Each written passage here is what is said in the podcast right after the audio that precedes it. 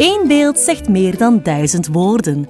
Maar aangezien dit een podcast is, houden we toch bij woorden. De inspiratie hiervoor ligt wel in de wonderenwereld van de beeldende kunst. Kunst spreekt, prikkelt, provoceert en doet ideeën, emoties of herinneringen ontspringen. Vergeet eens even de drukte, leun achterover en mijmer mee met onze columnisten als ze de vele kleuren van kunst en geloof schilderen in beeldspraak.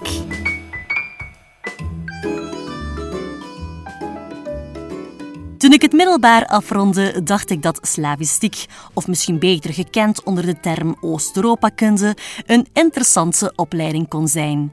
Nu, door omstandigheden viel mijn definitieve studiekeuze op de richting journalistiek. Maar meer dan tien jaar later besloot ik het toch te wagen en schreef me in aan de Universiteit van Gent.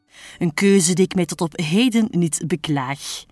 Een van de vakken die ik in het eerste jaar kreeg was moderne Russische cultuurgeschiedenis. Een hele mond vol, maar het komt erop neer kennis te maken met de Russische kunst van de 20e eeuw. Een groot deel van de kunst uit die tijd is gewijd aan de revolutie, waarbij de communisten uiteindelijk de macht grepen. Het werd later zelfs een verplichting om de kunst in dienst te stellen van het communisme. Met andere woorden, kunst moest de leiders, het proletariaat en de successen van de Sovjet-Unie verheerlijken. Voor artistieke vrijheid was er vanaf eind jaren 20 geen plaats meer.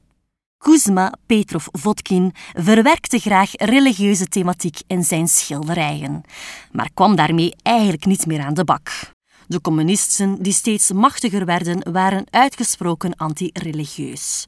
Maar daar leek deze avant-gardistische kunstenaar in het schilderij Het jaar 1918 in Petrograd, beter bekend onder de naam Madonna van Petrograd, iets op gevonden te hebben.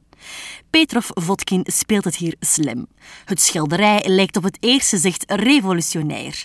We zien op de voorgrond een proletarische vrouw op een balkon, afgebeeld met rode mantel, de kleur van het communisme. Achter haar rug woedt de burgeroorlog in de straten van Petrograd. Maar de schilder weigert areligieus te zijn. Rebels als hij is, beeldt hij de dame op de voorgrond af met een baby aan haar borst.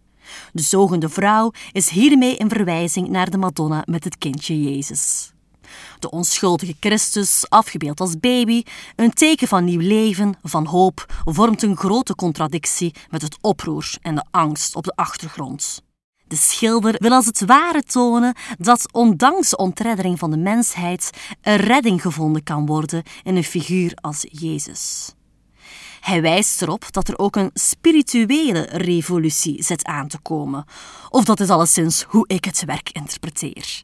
Want dat is het fijne aan kunst. De kunstenaar probeert met zijn vormen en kleuren een verhaal op te starten, maar wij als kijker mogen het interpreteren, uitbreiden en afmaken. Dat is hetzelfde als wat veel mensen in de loop van de geschiedenis met Jezus hebben gedaan. Het is boeiend om te zien hoe zijn beeld telkens verandert. Een halve eeuw geleden werd hij vaak als een revolutionair getoond. Het was de periode van de studentenopstanden en rebellen waren populair. Toch heeft Jezus 2000 jaar geleden geen politieke omwenteling veroorzaakt. Wel heeft hij sindsdien talloze mensenlevens een andere wending gegeven en heeft hij het aanzien van de wereld voor altijd veranderd. Het alles overheersende communisme hield het in de Sovjet-Unie nog geen eeuw uit.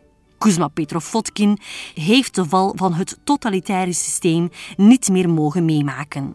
Maar ik denk dat hij trots zou zijn als hij wist dat zijn verboden religieuze rebellie sterker is gebleken dan de dwingende dictatuur in zijn land. Al is dat natuurlijk een kwestie van mijn persoonlijke interpretatie.